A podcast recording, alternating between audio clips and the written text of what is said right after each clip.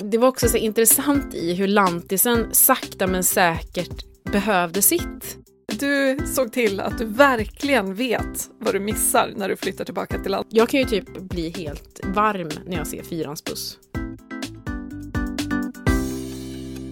Förr kunde jag handla begagnat runt knuten eller hämta upp ett Tradera-paket i kiosken i samma hus som jag bodde. Nu måste jag ta bilen två mil för att hämta ett paket med begagnat. Jag vet inte riktigt vad klimatnyttan blev där. Alltså jag måste säga att det låter som att du bytt ner dig lite. Ja, på den fronten ja. Ja, men jag gissar att du samtidigt bytte typ avgaser och buller mot frisk luft och eh, biologisk mångfald. Ja, och kanske inte behöver så mycket kläder. För att ni går nakna på landsbygden. Exakt, precis. Ja, det här är vår eh, första av årets fyra sommarpoddavsnitt som vi tycker att ni ska lyssna på under semestern. Det är en order, absolut. Mm. Och nu ska vi, som ni märker, snacka stad och landsbygd. Och vi som poddar heter Emma Sund som har lämnat lägenhet i Stockholm för den värmländska landsbygden. Där vi inte går nakna. Eller jag kan inte tala för alla. och Maria Soxbo som bor i staden, om man typ avrundar uppåt. Egentligen bor jag alltså i en villaförort i en kranskommun till huvudstaden med naturreservat runt hörnet. Men med Sergels torg 20 minuter bort med pendeltåget får man nog kalla mig stadsbo ändå. Mm. Välkomna till Plan B-poddens första sommarpoddavsnitt!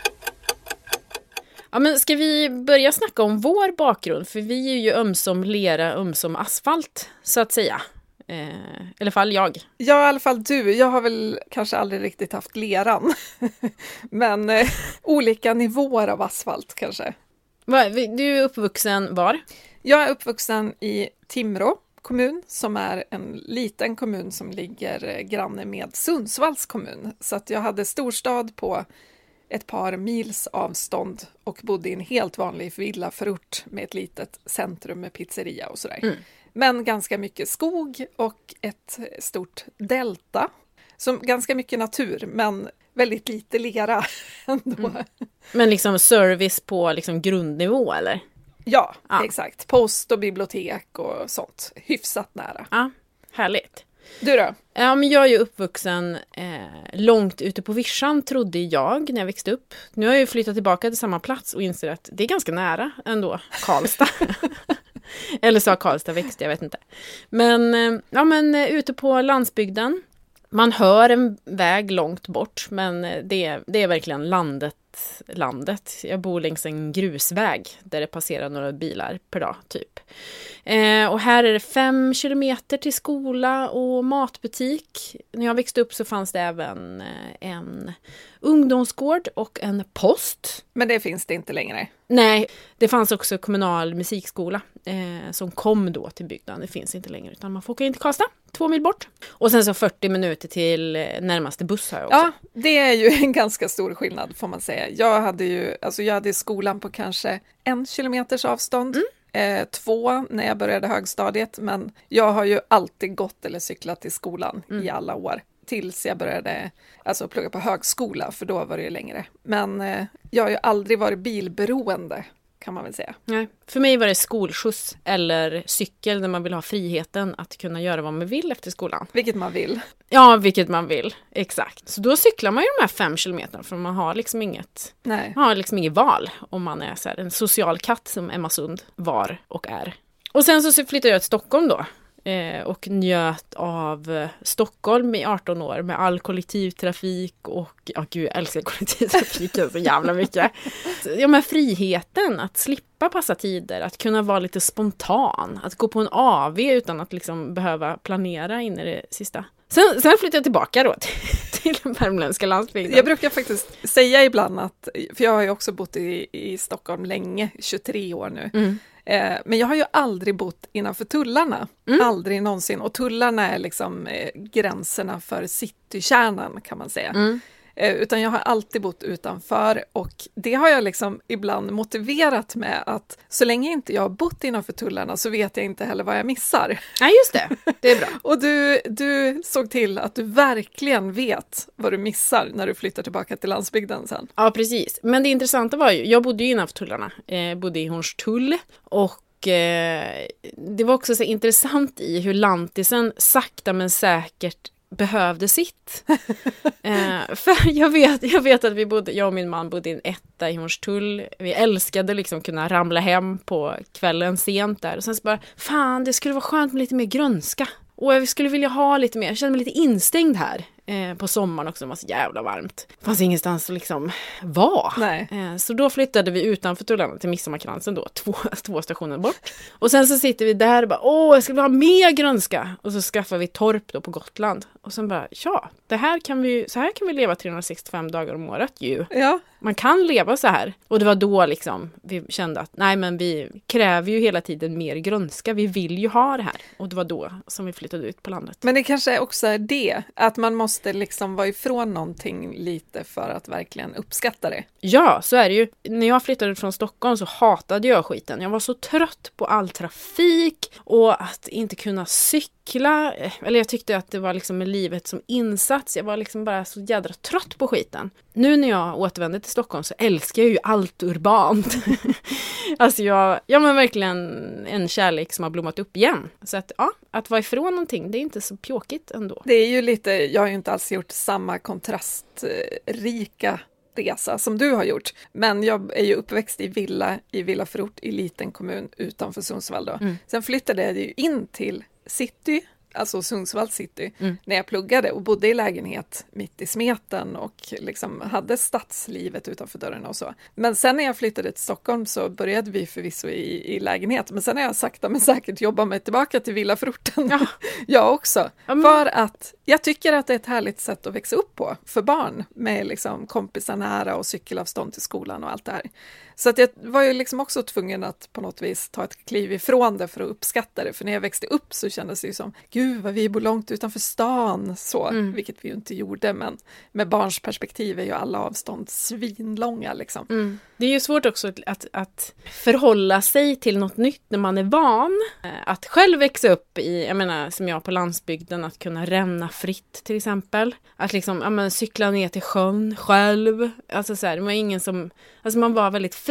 Och sen så gick ju jag på en, ja, lekskola hette det ju då, mm. som var så en gammal 20-talsvilla med egen skog typ. Och eh, min skola var också mitt i en skog, så man också fick liksom leka och bygga kojor på rasterna. Så att det var liksom, när man har den ingången och sen så blir man tilldelad då kanske en förskola där det liksom bara är asfalt. Nu, nu hittade vi faktiskt en uh, asbra förskola i Stockholm med grönska.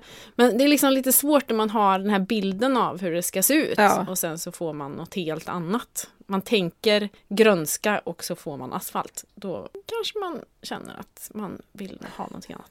Nej, men jag tänker också det här med att kunna cykla till skolan. Ja. Eh, att, att kunna vara fri att ta sig. Jag menar, även om jag bodde fem kilometer ifrån skolan så kunde jag ändå cykla. Mm. Och vara fri. Jag behövde liksom ingen som ledsagade mig på det sättet. Och det, den friheten och känslan av att, att kunna och vilja cykla precis vad man vill. Den jag verkligen ge mina barn.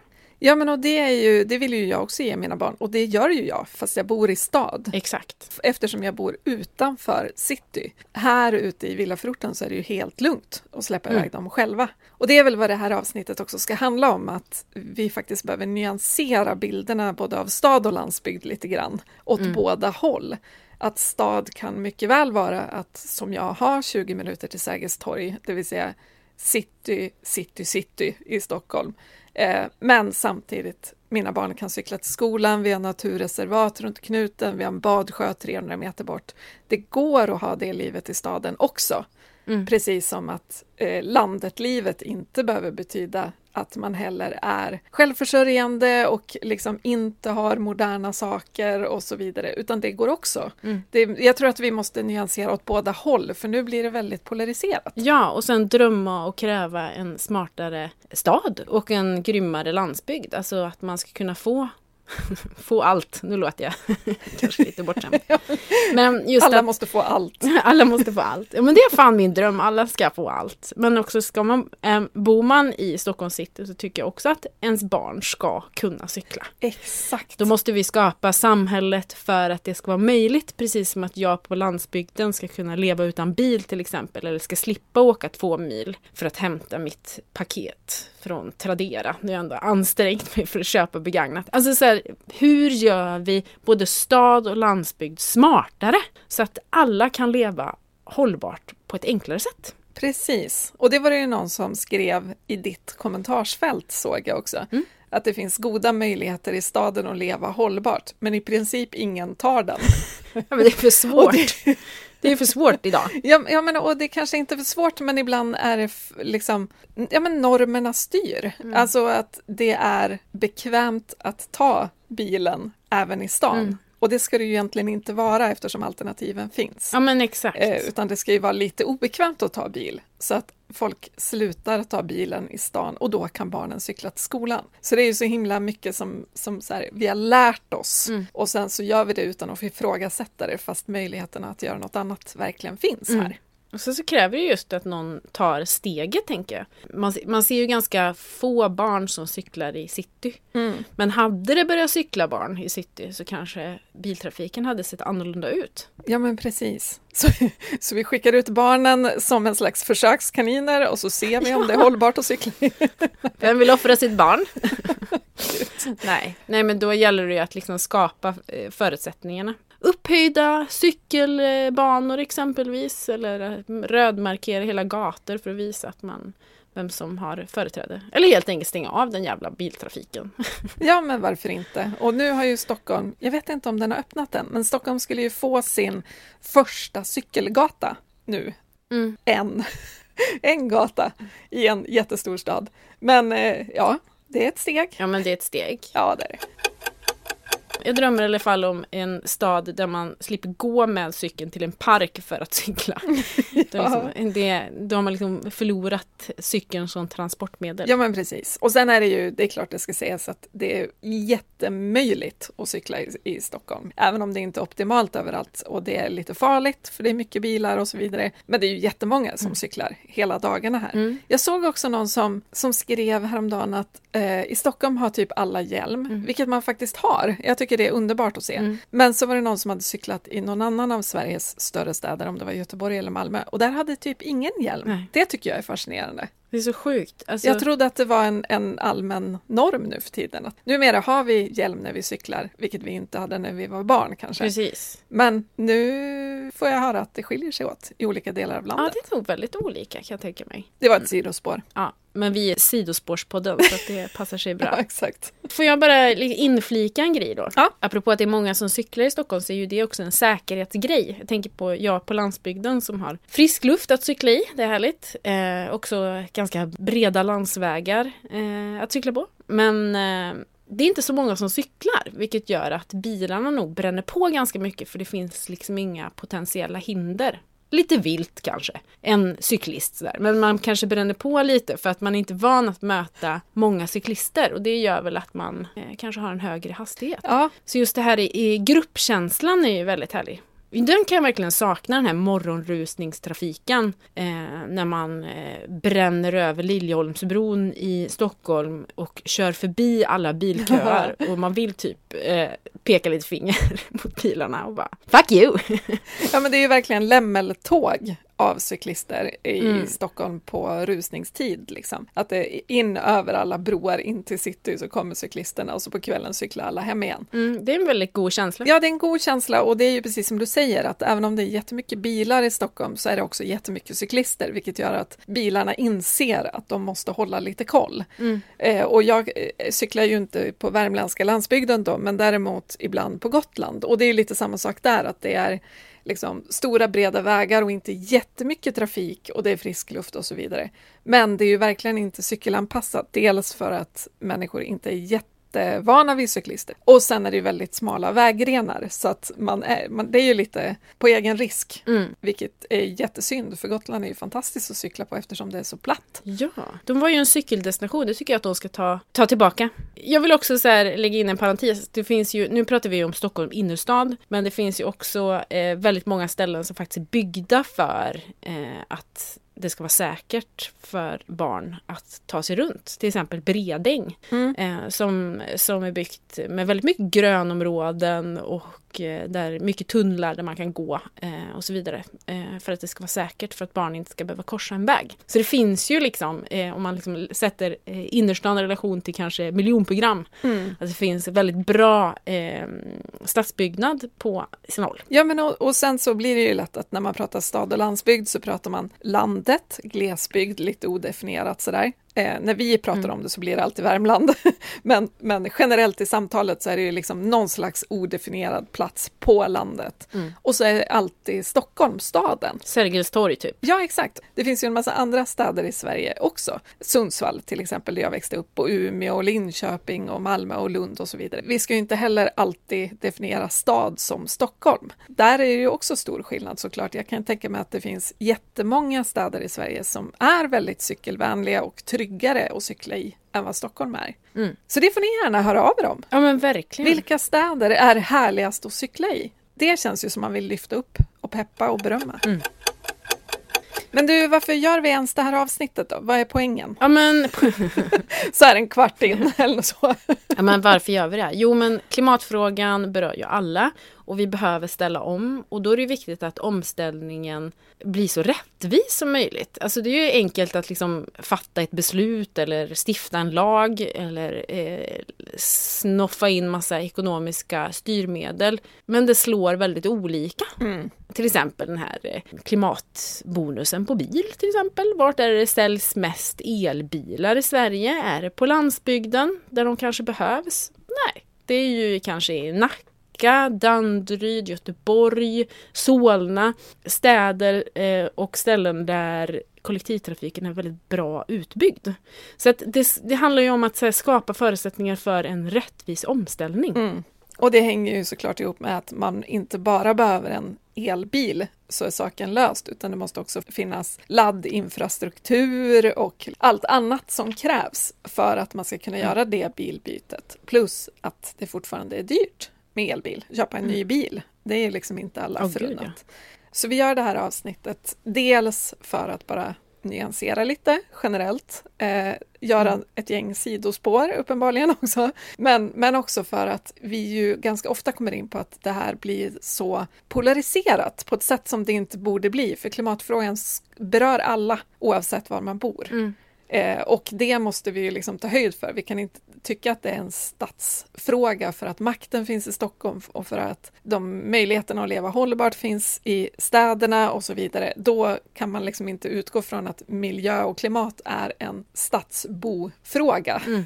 Utan det kommer ju att beröra alla, inte minst bönder och skogsägare och sådana som är beroende av naturen Mm. eh, i sina yrken. Så att vi vill väl bara vända och vrida lite på det här, precis som vi vänder och vrider på allt annat. Ja, och sen så tror jag att det är så viktigt att prata om det, att förstå varandras förutsättningar och svårigheter när det gäller omställning. Alla har inte som sagt möjlighet att köpa en elbil, eh, som Nej. du var inne på. Eh, och det här behöver vi prata lite mer om mer. Jag önskar att man såg fördelarna med varandra.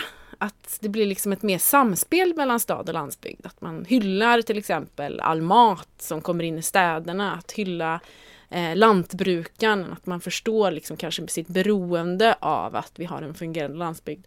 Men också då en, en stad där, där det finns köpkraft exempelvis. Att man, att man vrider och vänder lite på, på de olika sidorna. Ja men verkligen. Men du, ska vi ta lite plus och minus med stad och land då? Ja men ska vi, eh, ska vi köra lite plus på landsbygden då? Vill du börja?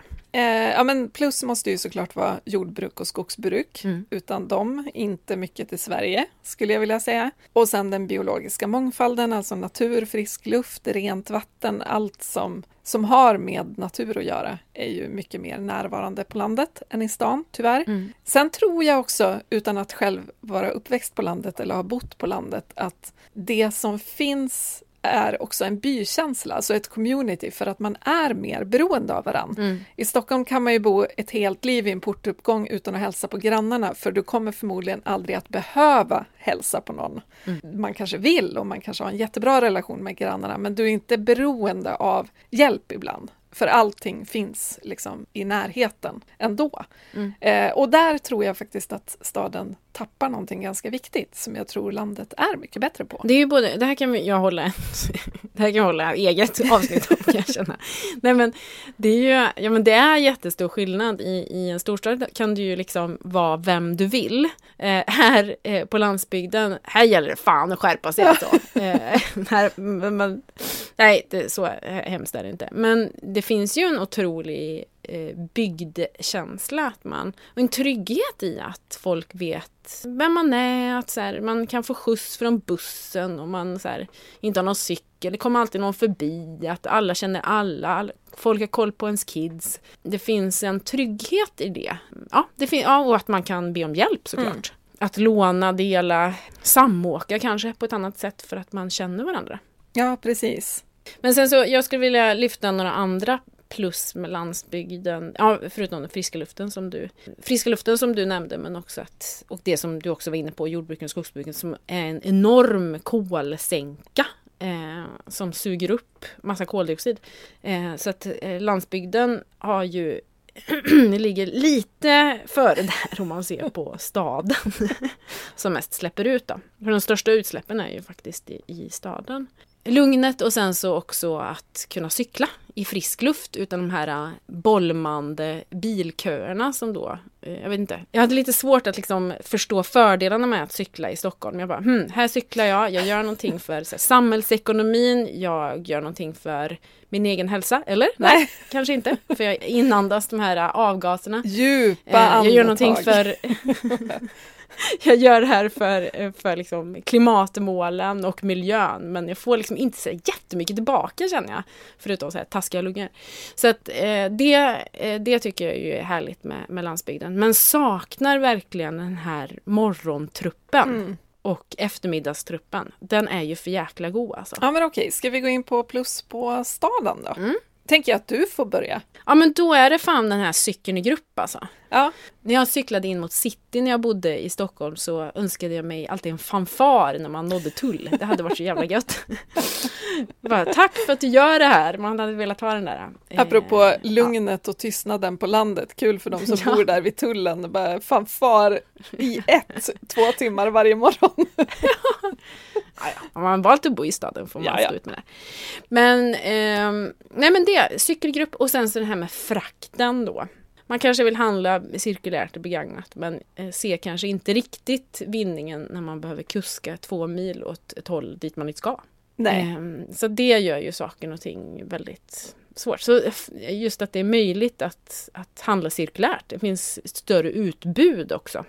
Det är superplus. Ja men verkligen, det är ju en av de eh, stora plussen för mig också tycker jag att ja, men Facebook Market och Blocket och Tradera och allt sånt där är väldigt, det, det är ganska mm. lätt att hämta upp.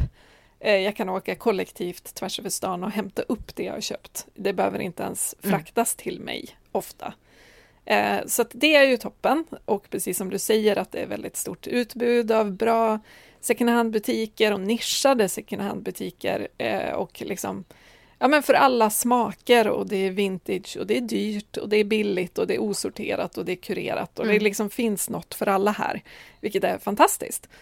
Eh, men sen så tänker jag ju också att en stor vinning med staden är ju också att det finns ett underlag för cirkulära affärsmodeller generellt att testas. Alltså matsvinnsapp appar och delning, alltså hygglo, typ hyr av dina grannar. Så fort det finns många människor någonstans så är det ju mycket större chans för en smart teknisk lösning för att vi ska dela resurser, att den ska funka, mm.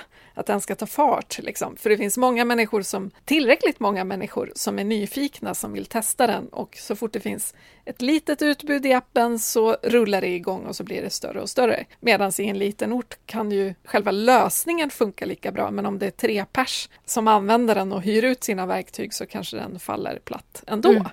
Eh, så det är ju verkligen den stora fördelen med, med stan och nackdelen att det är så mycket folk. Ja men verkligen. Men ursäkta, glömde jag säga kollektivtrafiken eller? ja, det gjorde du. Herregud vad det är ett stort plus. Herregud! Eh, tunnelbana, spårvagn, eh, bussar, pendeltåg, Båt. båt, hyr, hyrcyklar, kanske inte just nu då, men eh, hyrelcyklar som snart ska bli hyrlådcyklar. Alltså du vet, eh, mm, det finns ju mycket att sakna när det gäller kollektivtrafiken. Jag kan ju typ bli helt varm när jag ser Fyrans buss. Och inte bara för att den är proppfull och svettig utan för att den är härlig ändå. Att den ja, finns. Den är, den är fan fin alltså. Ja. Men sen så är det ju också, sen så är det ju också det här med att, att det finns Jag tänkte på det här med att du hämtar kanske ett Blocket-fynd eh, eller ett Marketplace-fynd och kan ta det på tunnelbanan för att det finns utrymmet, kanske inte i, i, i, i eh, rusningstrafik men det finns ganska gott om plats. Ja, alltså man har ju ändå släpat en och annan stor lampa och konstiga saker på Ja. tunnelbanan. Jag har stolar, fåtöljer, jag har fan fraktat allt på tunnelbanan. Och, Ja. och människor kollar inte särskilt konstigt på en för att det är alltid någon som har något konstigt med sig på tunnelbanan. Ja. Så det är liksom en del av stadsbilden på ett väldigt härligt vis. Ja. Ja, men och jag måste också säga att i staden så, och då inte bara i Stockholm såklart, utan i alla städer där det finns universitet och det finns olika hubbar av olika slag. Alltså att det finns en plattform och en arena för saker att uppfinnas på. Mm. Att det finns forskning och det finns innovationsvilja och det finns startup-nätverk och så vidare. Att det finns liksom människor med bra idéer och lösningar har nog mycket större chans att faktiskt få dem att bli verklighet Mm. i en stad. Det borde ju kunna vara möjligt var som helst i världen och i landet Mm. och det kanske blir det på sikt när vi blir ännu mer digitala och smarta och sådär. Men eh, just nu så skulle jag väl ändå säga att staden är där innovationer faktiskt kan födas. Mm. Och nu pratar ju inte du bara om Stockholm utan an- sta- Nej, staden nej, nej. som Precis. koncept, vad den än är. Ja, precis. Ska vi in på minuskontot nu eller? Ja, vi, kan, vi kanske måste det. Vi har ju varit lite på det, men Ja. Ska jag börja på minuset med landet eller? ja, gör det. Ja men det är väl det här bilberoendet då. Eller bristen på kollektivtrafik. Att man inte kan vara så spontan kanske. Eller är det svårt att bli hembjuden på middag eller gå på en AV tycker jag. Mm. För att det, man kan inte ta sig hem. Nej, det är ju lite tråkigt. Ja det är lite tråkigt. Eh, man kan ju cykla sommartid och eh, vår och höst. Men vintern blir ju ganska isolerad. Så väldigt, väldigt bilberoende. När jag var ung och tog körkort så tyckte jag att det var jättekul att köra bil. Nu tycker jag bara att det är waste of time att Mm. stirra på en, en väggren. jag vill göra andra saker med min tid. På en väggren. Att, ja, det- Var kör du? Nej, Jag kollar efter vilt, okej? ja, Eh, nej, men eh, vad säger man då? En väg? ja, jag hoppas du har blicken på vägen och inte på väggrenen. Det känns som du hamnar i diket förr eller senare i så fall.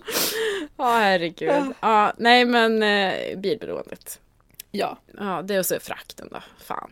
Och sen, ja men brist på utbud av smarta tjänster. Just det här som du var inne på, den här eh, att man vill dra igång något, man vill testa lite. Så, så det händer ju mycket i en stad. mm. Men den innovationskraften ser jag fram emot att se mer på landsbygden. För jag tror att det finns så jävla mycket smarta, rappa grejer som man kan komma på. Som löser många kniviga situationer här. ja men verkligen. Det, det finns ju många problem att lösa på landsbygden. Alltså det finns ju luckor på marknaden på ett annat sätt än i stan. Mm. Så egentligen så skulle man ju vilja att det fanns mycket större möjligheter att vara uppfinnar-Jocke på landet. Eh, för det är ju där det verkligen behövs i många lägen. Mm. Men det här är jag nyfiken på. Jag har fått höra från olika håll att många också tycker att utbudet av till exempel ekologiskt är sämre i mindre orter, alltså på vanliga mataffärer. Ja, Håller du med om det? Jo, men det, alltså grejen är att i en stad, du kan få utgå från Stockholm då eftersom jag bodde där senast, men att det var, det var en grej. Alltså så här, det var hippt att handla ekologiskt vilket gör att det liksom öppnade upp olika aktörer som bara sålde ekologiskt typ. Så att det är ju klart att det är enklare att få tag i. Så det kan jag ju liksom se att den här medvetna hippa liksom aktören, den kanske inte finns Eh, här. Men vi har ju den hippa aktören också i form av lantbrukaren som säljer på på Rekoringen exempelvis. Vi hade ju så jädra bra. Vi, eh, vi prenumererade på en grönsakskasse förra året. Där eh, bond, alltså grönsaksbonden helt enkelt lämnade en påse på en central plats i bygden när han ändå passerade. Så vi slapp åka in till Karlstad mm. för att köpa grönsaker utan kunde liksom levereras. Ja men det är det jag tänker. Att ni har liksom närmare till närodlad och närproducerad mat. Mm.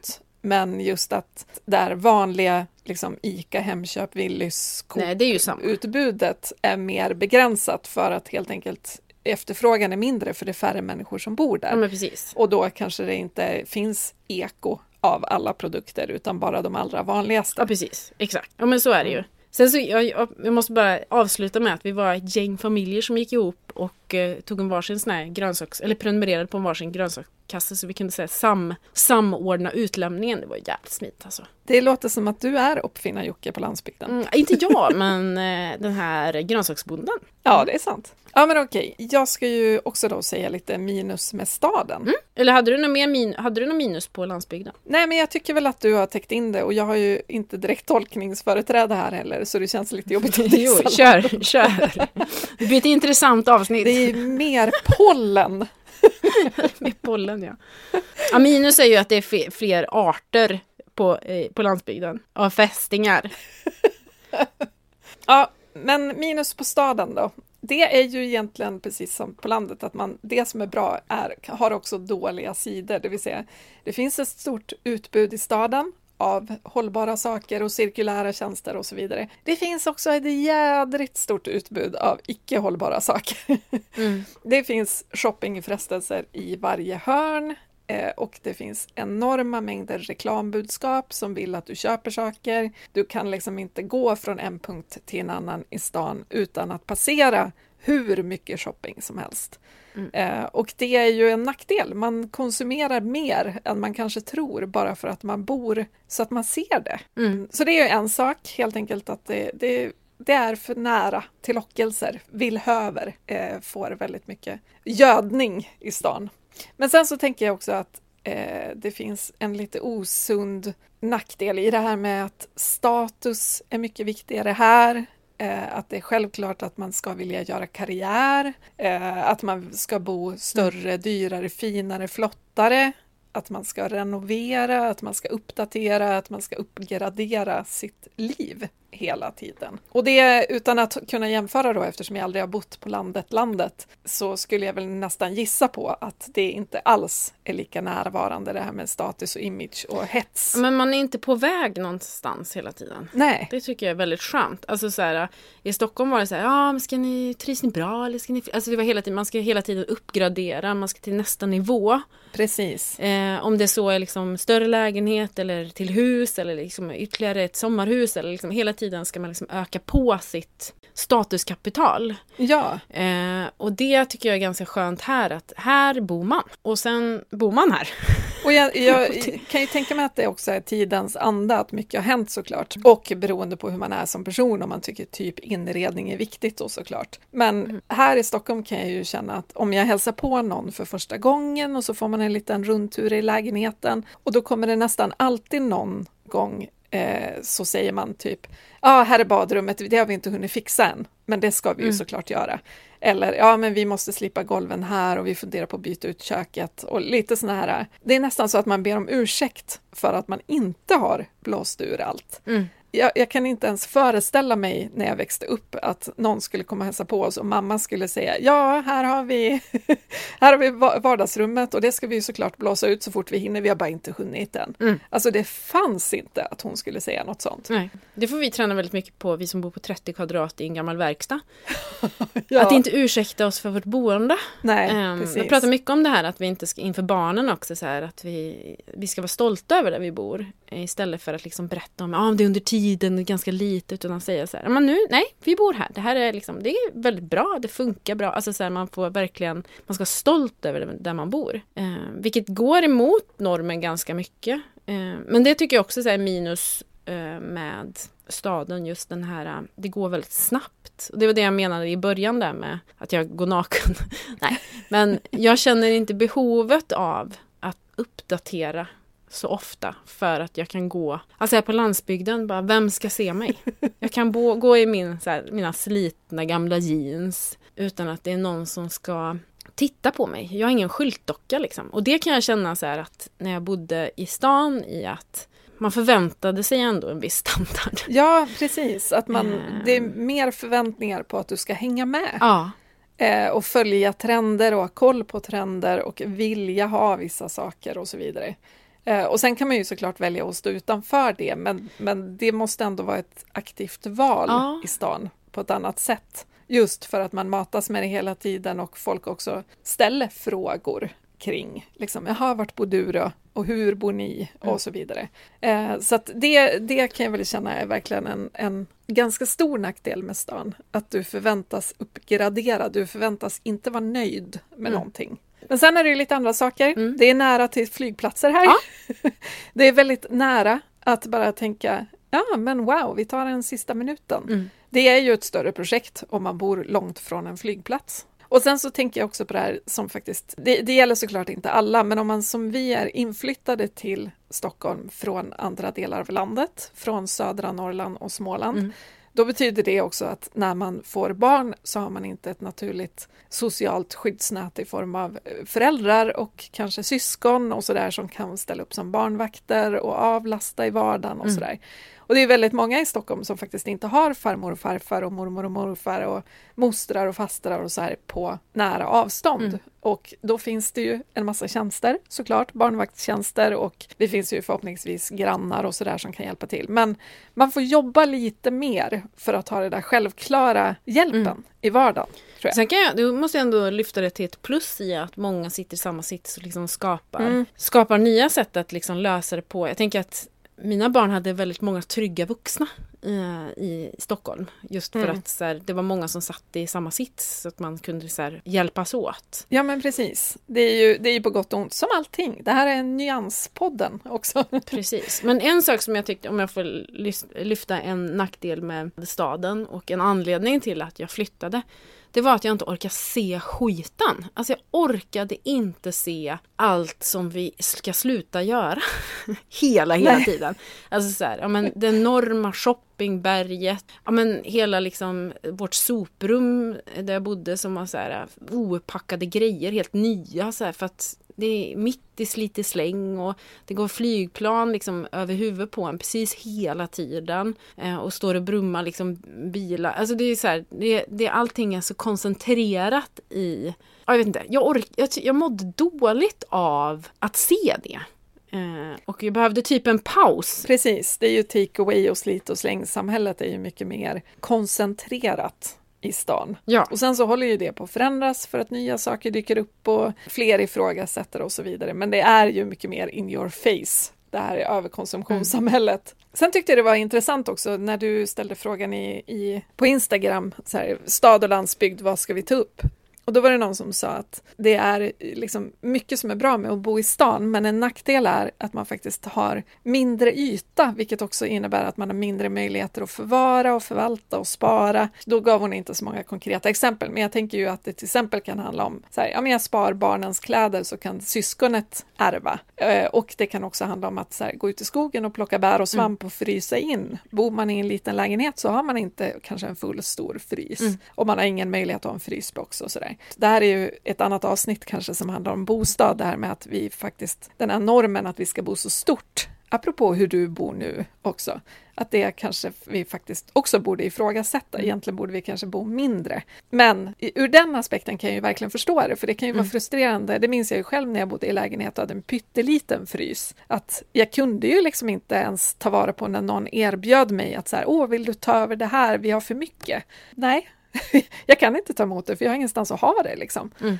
Eh, och det är ju såklart en nackdel också faktiskt, att man har li- lite mindre yta att ta hand om saker på. jag tyckte att det var svårt just det här med, vi odlade ju potatis på torpet. Vi fick också så grönsaker av mamma och pappa som odlade, men vi kunde inte, vi hade ingenstans att förvara det. Vi hade liksom ingen jordkällare direkt. Nej, precis. Eh, så det var, ja men just det där med att förvara mat var, var svårt. Det är ju främst mat, tänker jag, för att andra saker alltså barnkläder och så vidare, det är ju egentligen bättre att det är något annat barn som använder dem så länge mm. och sen kanske de kommer tillbaka. Så har jag och mina kompisar gjort, att vissa kläder har liksom gått ett varv runt. Mm. Eh, och sen när det är dags för nästa syskon så, så kan man få tillbaks dem. Mm. Och det är ju bättre än att vi har förråd fulla med resurser som ingen använder och så producerar vi nya saker under tiden. Mm. Men, men just mat är ju lite svårare att bara Nej men du tar de här äpplena och så får jag tillbaks dem till hösten när jag är sugen. det är liksom inte... Men vi måste ju prata lite lösningar också. Ja.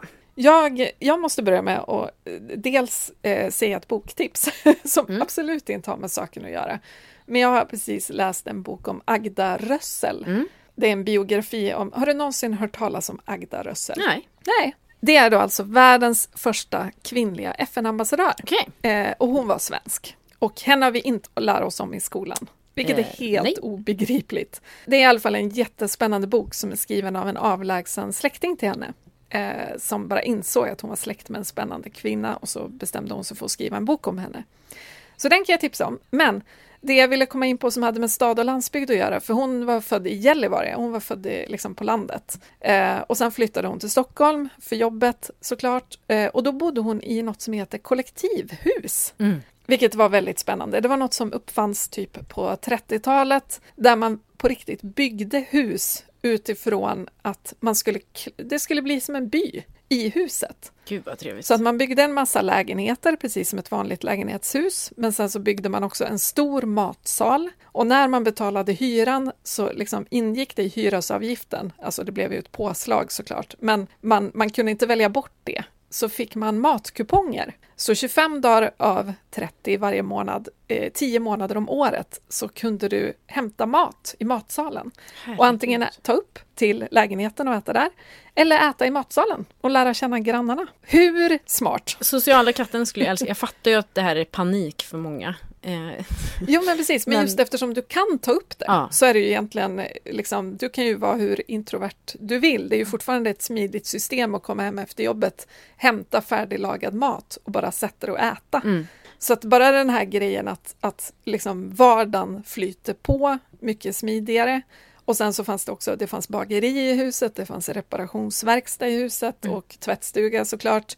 Eh, det fanns en butik för det här allra nödvändigaste så att du inte skulle behöva ge dig ut på alltså, stan. Alltså älskar tanken på eh, en by. Alltså by är så bra. Ja, eller hur. Det fanns också en förskola i huset och det fanns också personalen på förskolan extra knäckade också som barnvakt så du kunde anlita dem på kvällen Herregud. om du ville gå ut och äta middag. Ja. Alltså, och det här, eh, det här konceptet lockade väldigt många ensamstående med barn. Ja, det förstår jag verkligen. Och det här känner jag ju är en jättesmart idé som verkligen, verkligen skulle funka även idag. Mm på många sätt. Så det är en lösning som finns, som vi måste komma på igen bara. Ja, och just det här med att bygga till exempel med tillhörande kolonilott. Ja. Du har varit inne på förut att eh, det finns ju, jag tror att det är ett hyreshus i Visby va?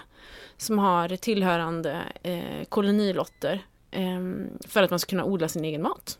Ja men det är ju så smart. Vi var ju inne på det för länge sedan någon gång så nämnde vi det här med att istället för att prata om eh, parkeringsnormer och sånt så borde det vara en biologisk mångfaldsnorm att man ska mm. ha närhet till natur mm. som liksom en faktor i mäklarannonserna. Mm. Eller odlingsnorm. Det tycker jag vore intressant. Ja. Odlingsnorm, ja precis. Ja men eh, en lösning jag ser på landsbygden då, det här kanske inte kommer som någon direkt eh, surprise, men bokningsbar kollektivtrafik som tar ju olika rutter beroende på vart behovet finns. Jag vet inte hur många gånger jag sagt det i mitt liv. Men det är, alltså det finns ju redan. Det kallas skolbuss. Eh, och det borde inte vara rocket science att ha det för vuxna också. Jag tänker på när man handlar mat från stora butikskedjor med utkörning. Mm. Då får man välja på olika tider. Eh, och vissa har typ ett grönt löv bredvid sig. Mm. Och då är den slotten då där just den bilen ändå ska till ditt område så då blir frakten billigare och då mer miljövänlig eller klimatvänlig. Eh, så det här borde ju liksom gå att applicera på en bokningsbar kollektivtrafik. Ja. Exempelvis, jag ska med tåget, jag vill åka klockan fem på morgonen och gärna bli upplockad framför mitt hus.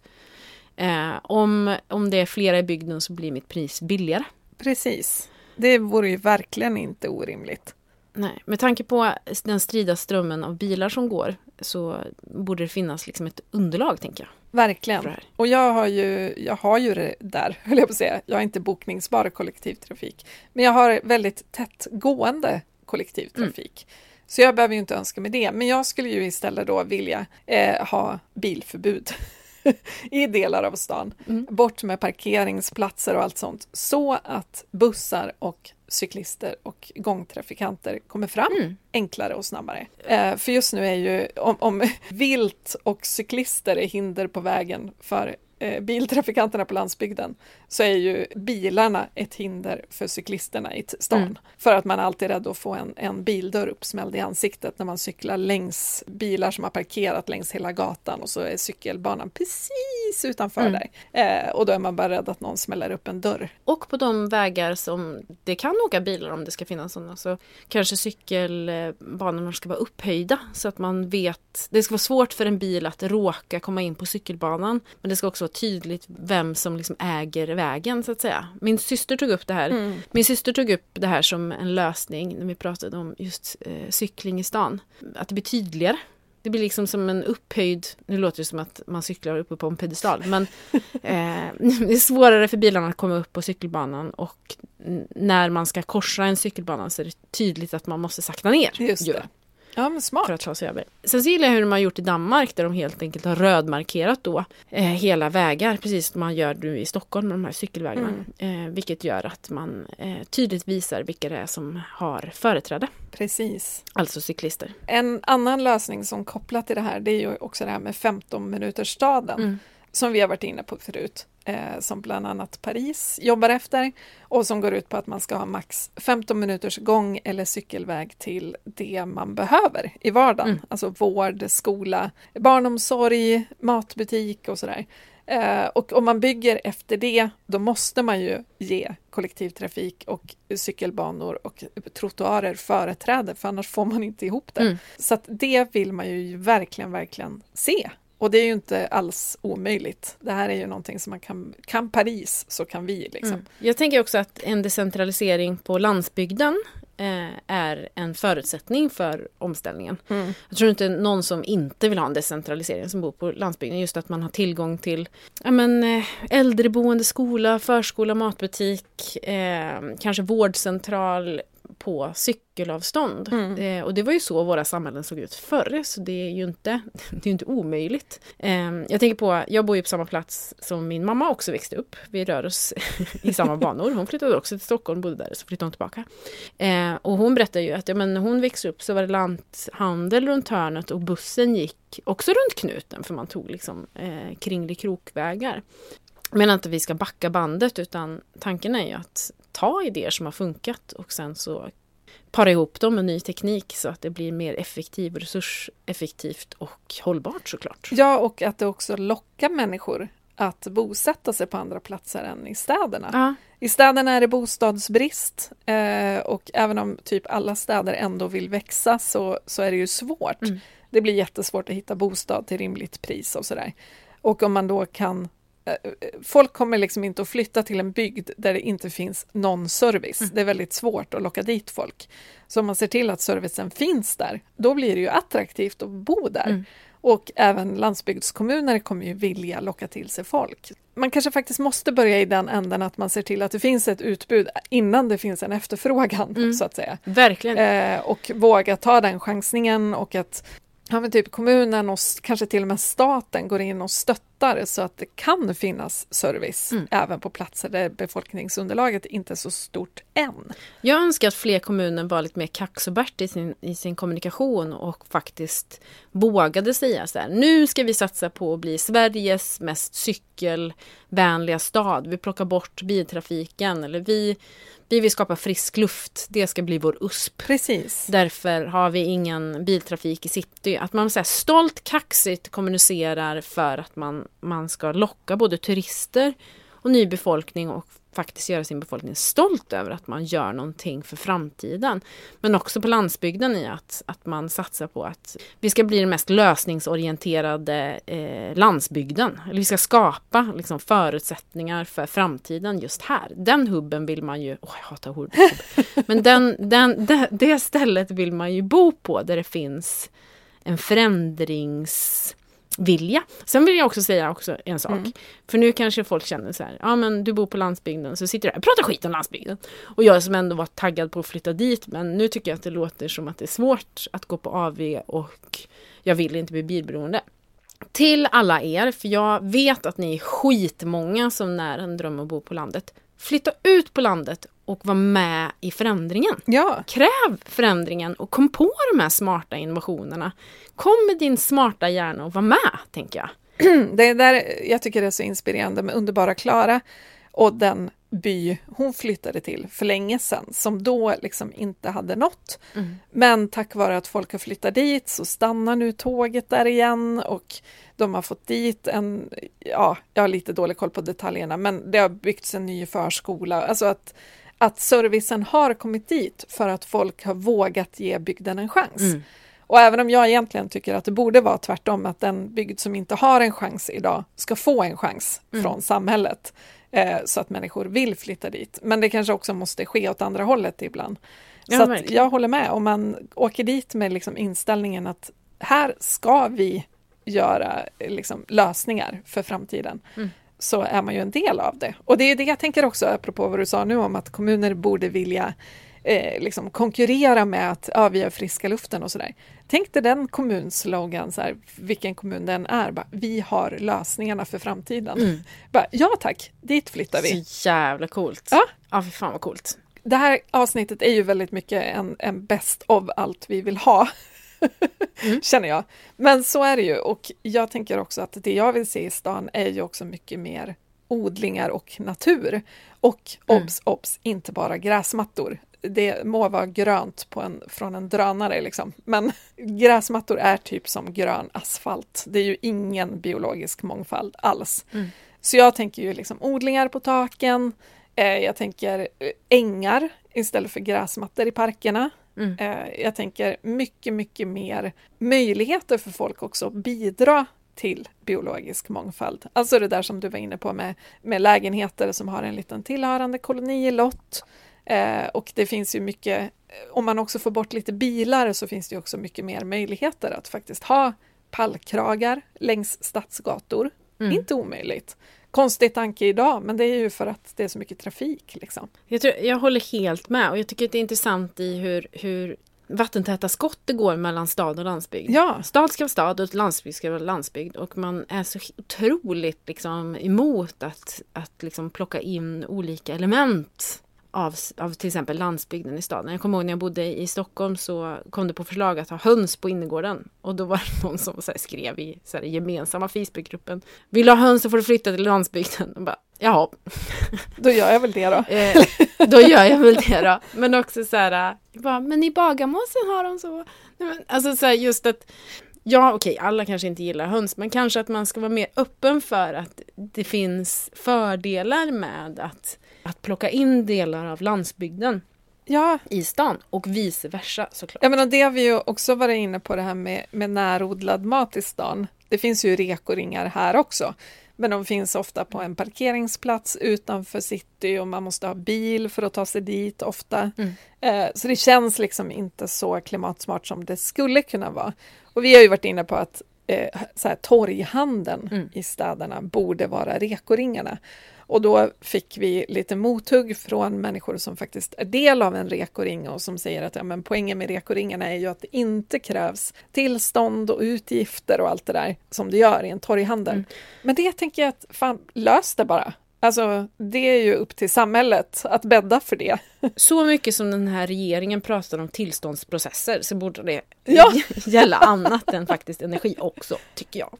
Gissningsvis skulle eh, alla citykärnor som just nu eh, kämpar för att eh, ha en mening när alla de här köpcentren utanför stan eh, ploppar upp, eh, jubla. Ja, så det, det tänker jag inte kan vara omöjligt att lösa utan att det blir såklart dyrt och krångligt för bönderna. Mm. Det måste ju bara gå att fixa. Det skulle ju dessutom kunna vara arbetsträning och det skulle kunna vara en väg in för studenter att få jobb. Alltså det går ju att använda det till social nytta Mm. också.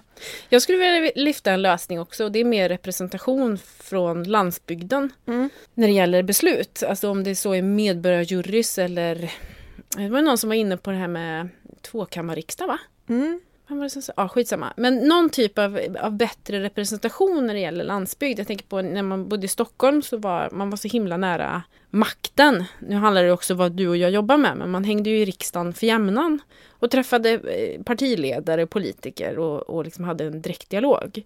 Eh, var ute och cyklade med Per Bolund och träffade infrastrukturministern. Nu förstår jag att det kanske inte alla som gör det. Men eh, att, ja, jag skulle vilja cykla med en politiker på landsbygden också. Ja, Och att komma närmare, komma närmare makten på landsbygden. För det är ju det mycket av polariseringen också handlar om. Att man inte känner sig sedd.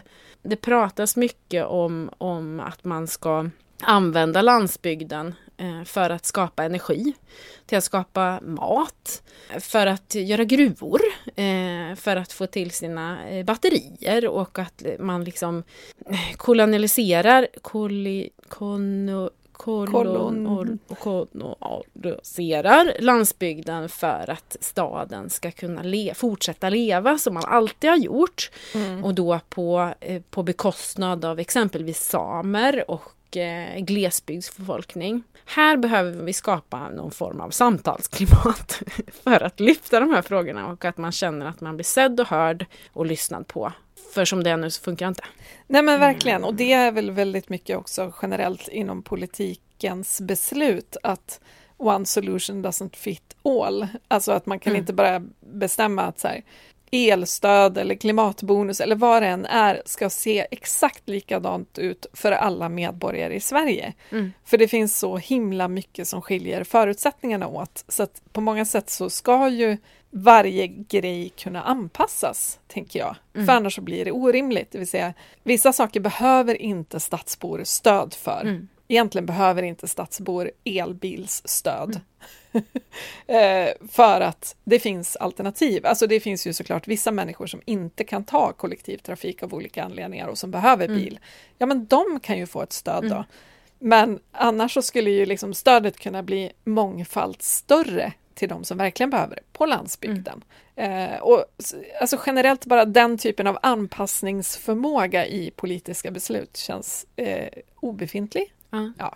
Men också så här, jag tror att det sticker jävligt mycket i ögonen med tanke på att vi snackar om att vi behöver så mycket metaller och gruvor för att, för att våran industri ska fungera och att man ska kunna eh, skapa batterier för elbilar. Och sen så är det elbilarna som sål, säljs mest typ i Danderyd och Solna och, och, Precis. och, det, och Nacka. Och då fattar jag alltså så här, fan alltså, det måste göra så jävla ont i att man inte ens gör ett försök i att, att försöka ändra beteendet innan man smäller upp en gruva Ja men verkligen. och eh, skapar, för, eller så här, förstör förutsättningarna för samerna för all framtid. Alltså det är också så här, det måste finnas någon så här välvilja att försöka göra så mycket som möjligt innan man gör någonting oåterkalligt. Precis.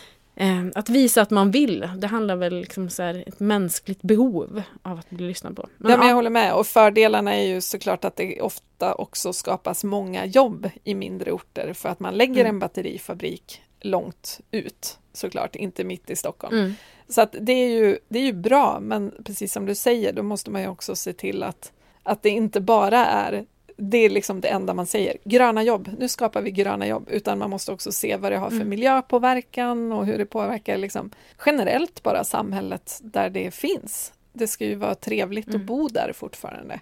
Och det ska ju inte heller bli så att plötsligt så bor det fyra gånger så många människor där men det finns fortfarande ingen vårdcentral. Och att det kommer kommunen till gagn, apropå vindkraftsparker. I Finland så har man ju att det faktiskt är så att, att kommunen kan tjäna på det i form av fastighetsskatt. Precis. Sen så är det inte helt oproblematiskt det heller, men, men Nej men också Ja, det inte bara blir eh, gästarbetare som kommer in och bygger en vindkraftpark och sen åker därifrån och sen så har bygden inte Mm. vunnit något på det egentligen. eller kinesiskt bolag, bla bla bla bla. Sidospårspodden! Ja, eh, lyssnar ni på som Ja. sagt.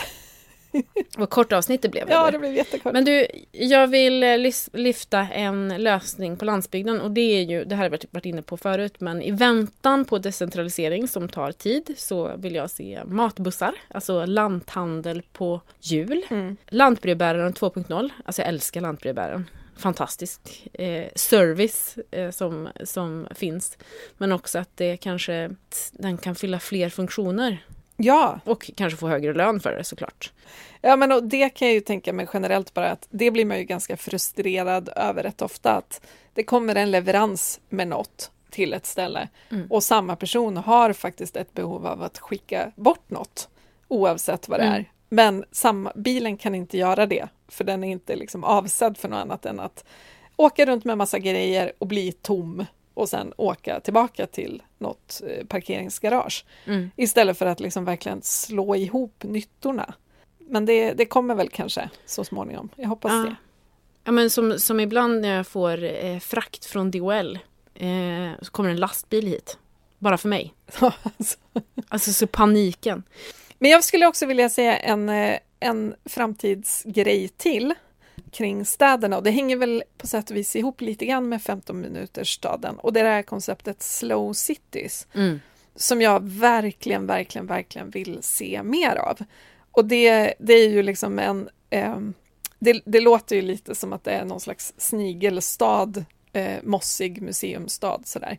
Men det är liksom inte det det handlar om, utan det handlar egentligen främst om att ge varje stad eller plats eller ort eller vad det nu må vara sin egen identitet. Och så bygger man stolthet kring den, det vill säga att det inte ska vara samma globala varumärken som man möts av i varje gatuhörn oavsett vart du reser. Mm. Utan istället ska det vara familjerestaurangen som har funnits i fyra generationer och det ska vara lilla tantcaféet och det ska vara skomakaren med 40 års erfarenhet istället för någon slags nyckel och skoservice som finns i varje hörn och där allt ska gå så fort. Eh, och det här är liksom ett sätt att bygga en stolthet i att så här, jag bor här, det är bara här den här restaurangen finns. Det blir liksom en unik profil. Och då hänger det också ihop med att, att eh, det blir mer hållbart på så vis att eh, eftersom det då finns plats för lokalt hantverk, närproducerad mat, eh, reparationstjänster, eh, alla de här sakerna som vi faktiskt behöver de får plats i en stad som vill prioritera sånt istället för att prioritera H&M och McDonalds och Amazon. Typ. Mm. Ja, Och det här tycker jag känns så självklart för att alltså, det är ju inte så att man säger ja, ah, men jag ska flytta till Linköping för där finns det Lindex. alltså, nej, det är inte sånt man kommer att välja en stad för. Eh, och det, det jag tycker är intressant, när jag växte upp, det här visar ju också hur nyproducerad tillvänjd jag var. Men när jag växte upp så tyckte jag Topshop var det coolaste som fanns. För det fanns ju inte i Sverige. Nej. Eh, så att det var ju bara något som jag hade liksom sett på bild och upplevt på en, en, en enda resa. Jag var ju på språkresa i England, så då Mm. kunde jag ju handla på Topshop.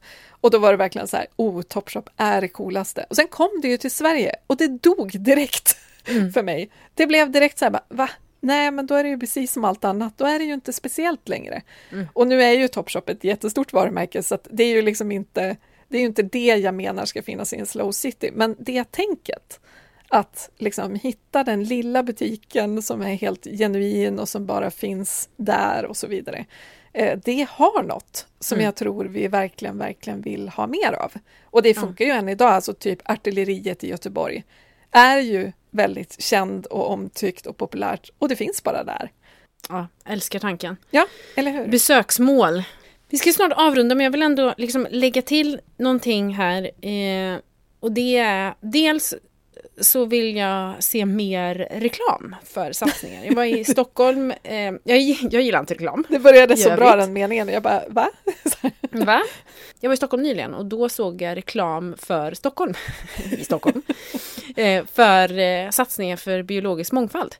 Att eh, man, eh, man tapetserade stan och berättade om sina satsningar och varför man gör dem. Och mer sån reklam skulle jag vilja se i staden. Varför man gör, varför plockar man bort eh, parkeringsplatser, varför tar man bort trafiken, eh, hela tiden informera och kommunicera att vi Eh, men som du var inne på det här med den här kaxiga reklamen. Ja, det vill man se också på liksom ofta på de här reklamplatserna. Man kan ju frigöra lite reklamplats genom att införa ett fossilreklamsförbud. Ja, precis. Då blir det är ganska mycket lediga stortavlor. Exakt. Ja, det är också en lösning. Fossil, fossilreklam. Eh, förbud, ska jag säga. Förbud.